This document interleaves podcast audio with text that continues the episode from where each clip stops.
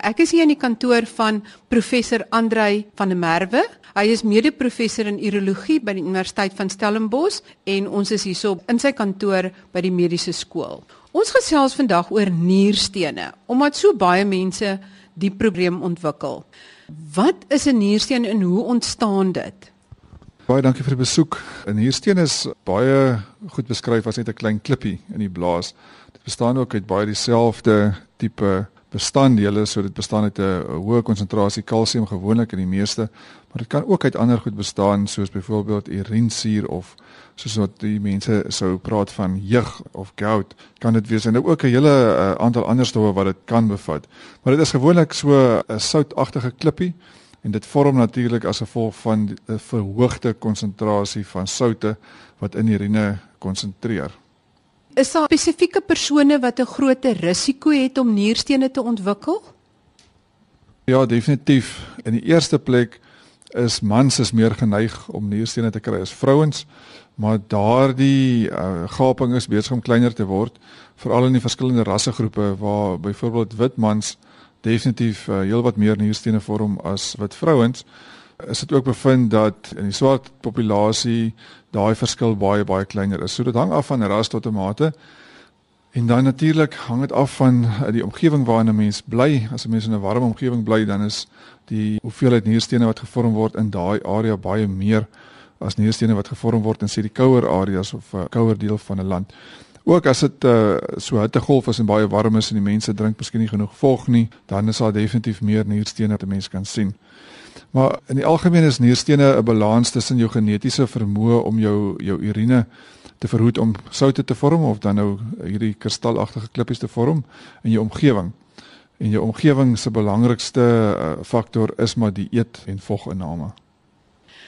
Kan jy dalk vir ons beskryf die proses hoe nierstene gevorm word? Weet wat loop verkeerd want onder normale omstandighede behoort mens tog nie nierstene te kry nie. So wat loop verkeerd en hoe vorm nierstene in jou liggaam?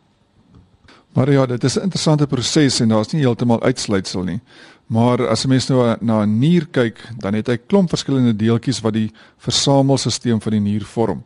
Nou die nierstene is uh, natuurlik in die urine wat dit vorm en in die eerste plek met jou urine baie hoë konsentrasie soutte hê. Ons praat van 'n supersaturasie van soutte.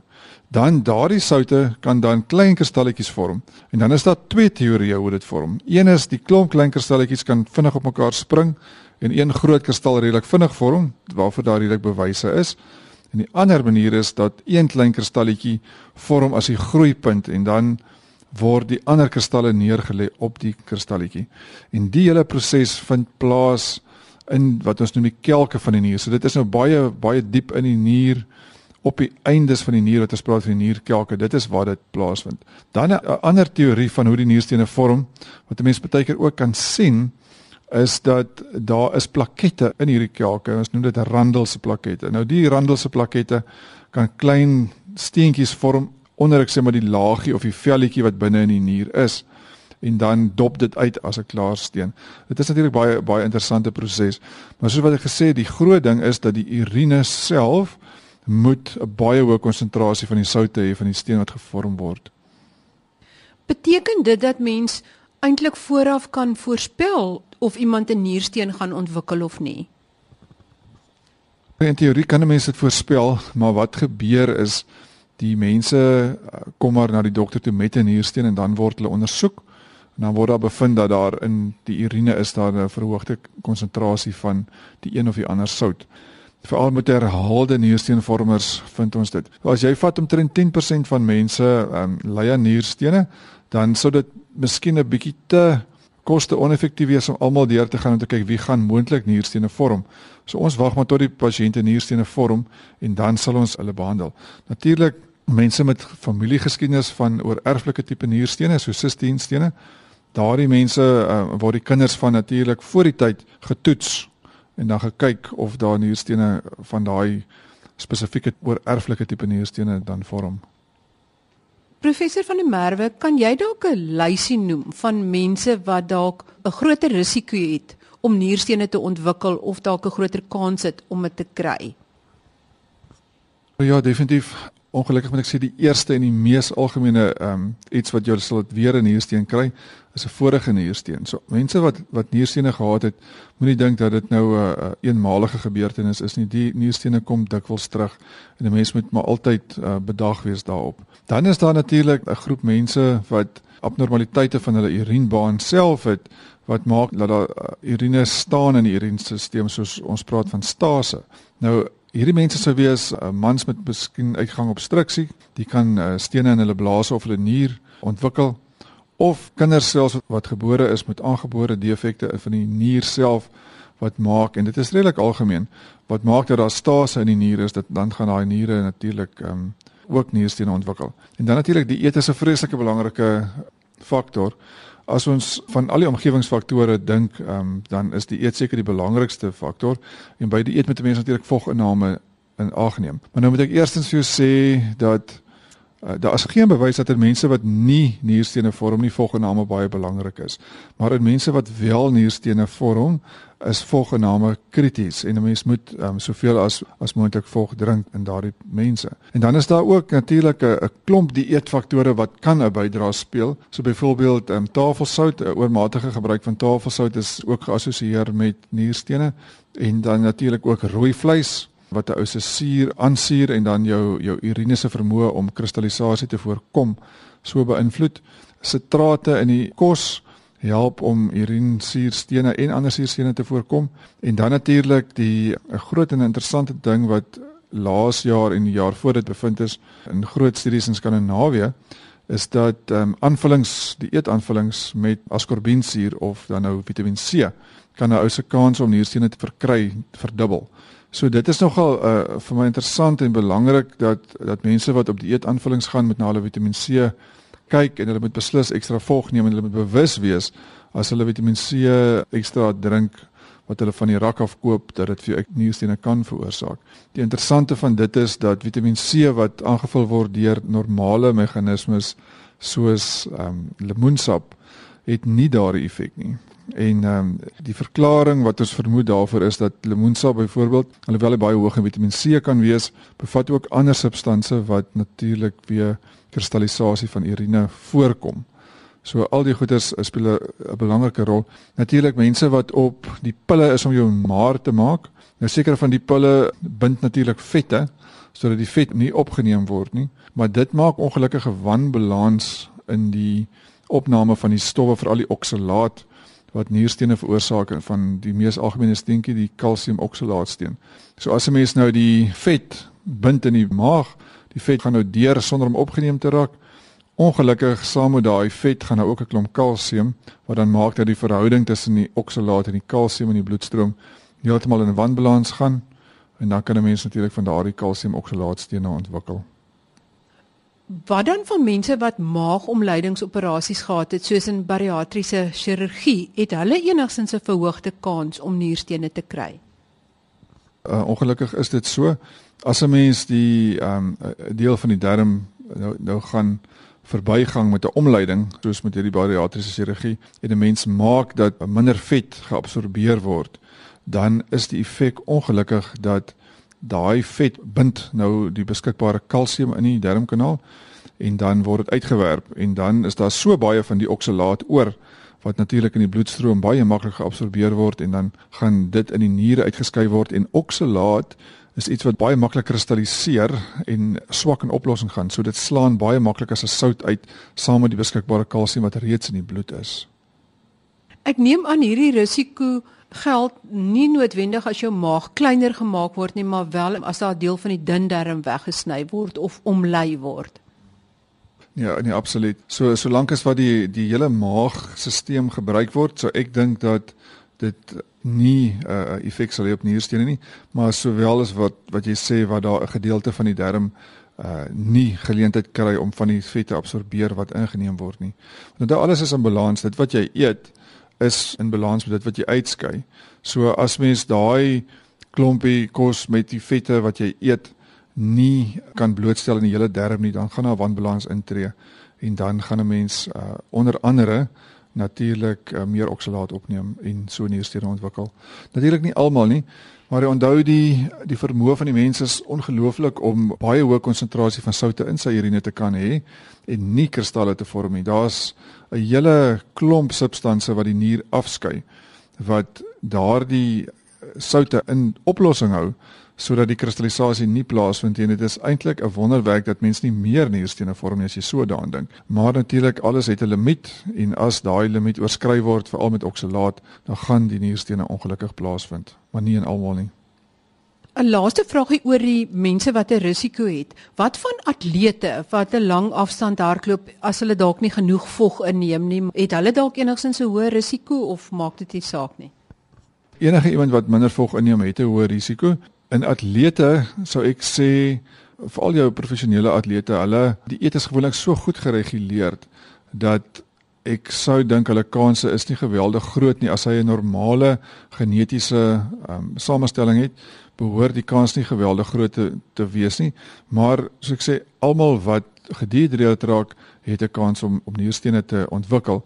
En die enigste en die eenvoudige rede vir dit is maar dat die konsentrasie van die soutte in die urine raak net so hoog dat daai soos ons nou noem die gesupersatureerde urine net eenvoudig die vermoë van die nier om kristallisasie te voorkom dan oorkom. En dan vind kristallisasie plaas en dit is maar wat 'n niersteen is. As mens nou 'n niersteen het, wat gebeur met dit? Raak dit net al hoe groter of kom dit uit? Nierstene kan dikwels heeltemal asymptomaties wees. Met ander woorde, mens kan dalk glad nie daarvan weet nie en dit kan ook soms geweldig groot wees en nog altyd redelik asymptomaties wees, veral as ons dink aan stene wat ons infeksiestene noem. Maar die stene vorm ons nou in die kelk as ek gesê wat op die kant van die nier is en dit kan beweeg en na die middelste deel van die nier of die nierpelvis of na die nierpypie toe of dit kan net daar bly en ons sien baie keer dat stene wat nou in die onderste kelke van die nier bly sit, dikwels vir jare daar sit en nie noodwendig die pasiënt enige skade of pyn veroorsaak nie en ons hou dit gewoonlik dop dikwels vir 'n hele paar jaar en dit maak geen skade. Nou ongelukkig as die niersteen beweeg, 'n klein steentjie wat beweeg kan 'n groot klomp pyn veroorsaak. En wat gebeur is As 'n steen sê maar 'n halwe sentimeter of so groot is, is hy groot genoeg om 'n irritasie van die nierpypie te maak as hy afbeweeg. Nou daai nierpypie kan in spasme om hom gaan en dan is daar 'n blokkasie van urine. Omdat die bloed baie sterk in die nier invloei, is daar 'n redelike sterk druk van urine wat uitgepers word uit die nier uit.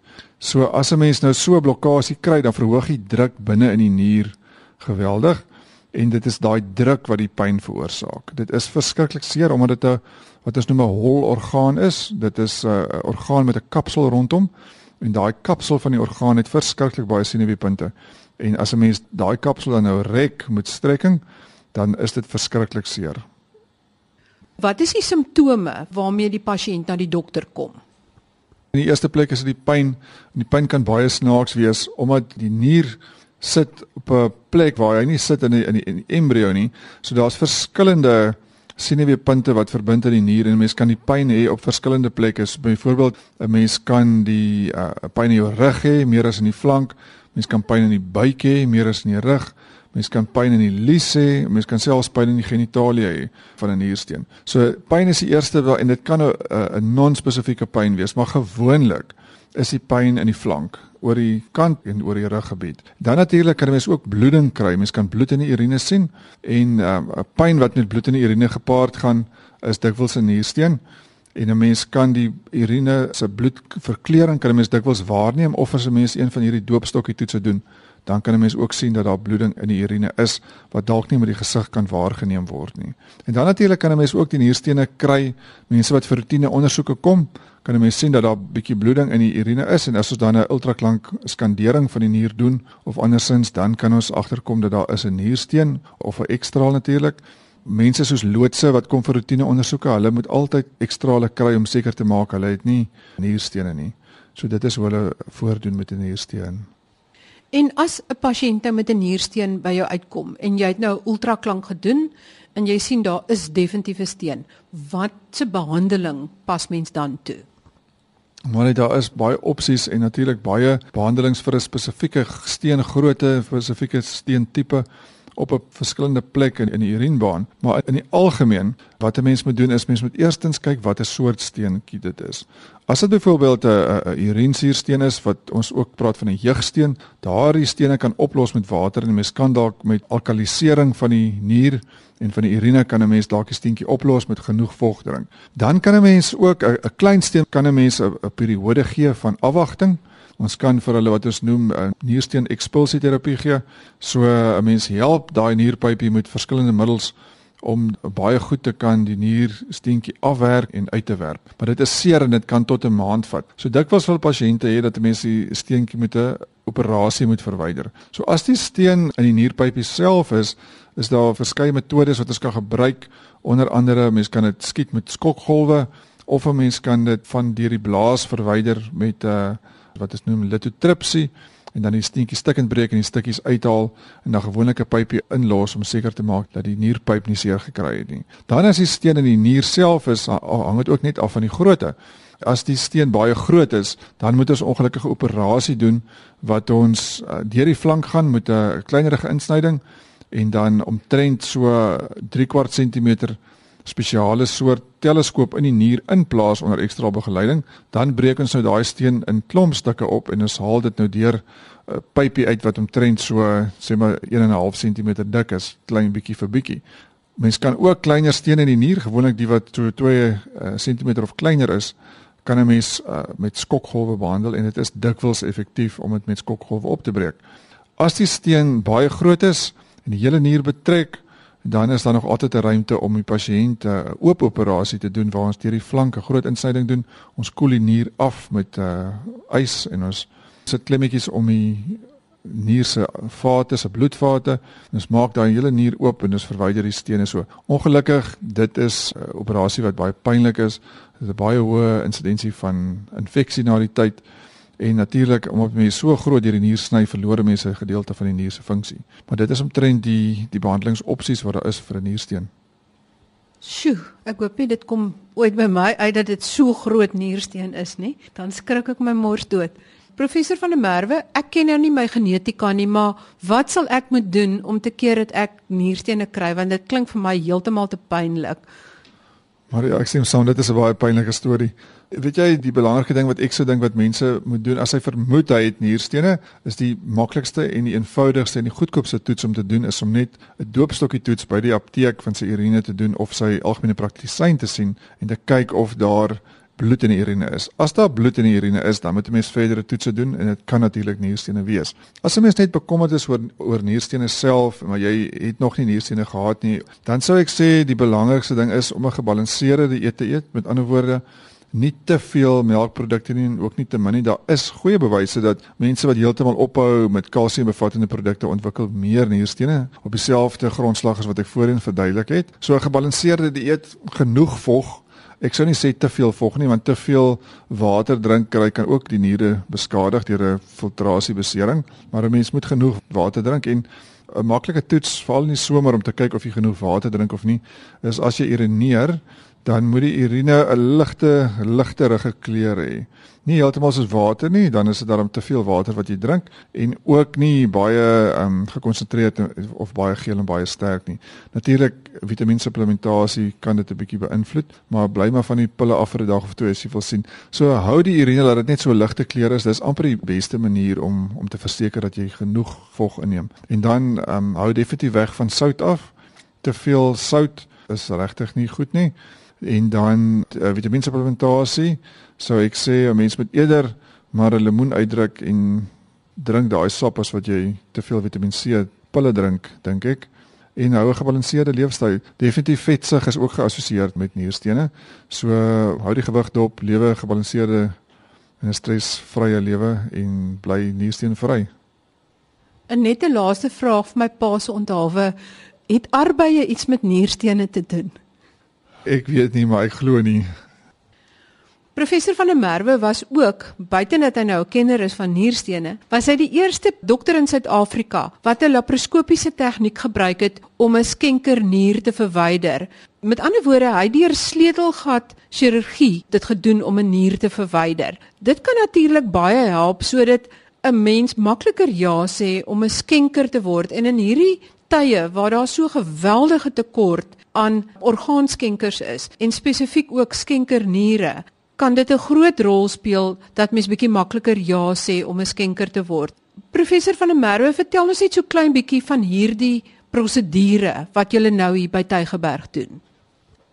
Die nierskenkingsprogram het baie baat gevind by Tygerberg vandat ons begin het met die laparoskopiese nierskenking prosedure. Die rede vir dit is dat die pasiënte definitief minder pyn het, hulle het 'n baie beter litteken na die tyd en hulle kan ook vinniger werk toe gaan onthou natuurlik 'n skenker is 'n is 'n baie gesonde mens, is mens wat meeste van die tyd ekonomies aktief is en daai persoon moet afvat by die werk en die werkgewers is dikwels nie baie simpatiek teenoor die program nie. So hy moet afvat by die werk en dan moet hy sy nier kom skenk en hy wil so vinnig as moontlik weer terug wees by die werk of hy natuurlik 'n eie besigheid waarmee hy betrokke is. So om om dan die nier te kan laparoskopies verwyder en daai pyn en die littekenformasie so te kan verminder is vir die pasiënte baie belangrik en ons het gevind dat ons pasiënte is meer geneig om bereid te wees om 'n nier te skenk met die tegniek en ek dink dat wêreldwyd is dit die standaard om 'n nier te skenk nou en ek dink alle moontlike skenkers in Suid-Afrika moet die geleentheid hê om 'n nier op die wyse te kan skenk as hulle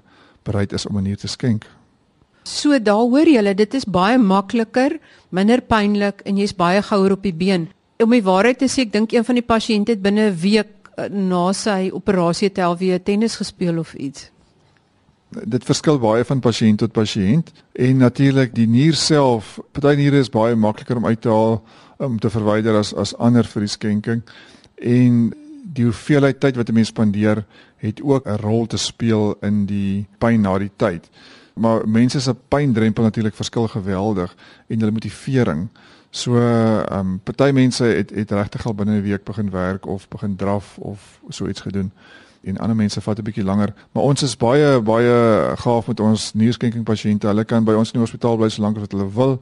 Maar gewoonlik is hulle binne 2 of 3 dae as hulle huis toe en ons volg hulle lewenslank op vir siektes soos uh, hipertensie en suiker siekte en daardie goedes en hulle is ook so 'n klein heroes in ons hospitaal. Ons gee hulle baie goeie sorg en hulle betaal natuurlik ook nie vir daardie uh, opvolgbesoeke nie glad nie.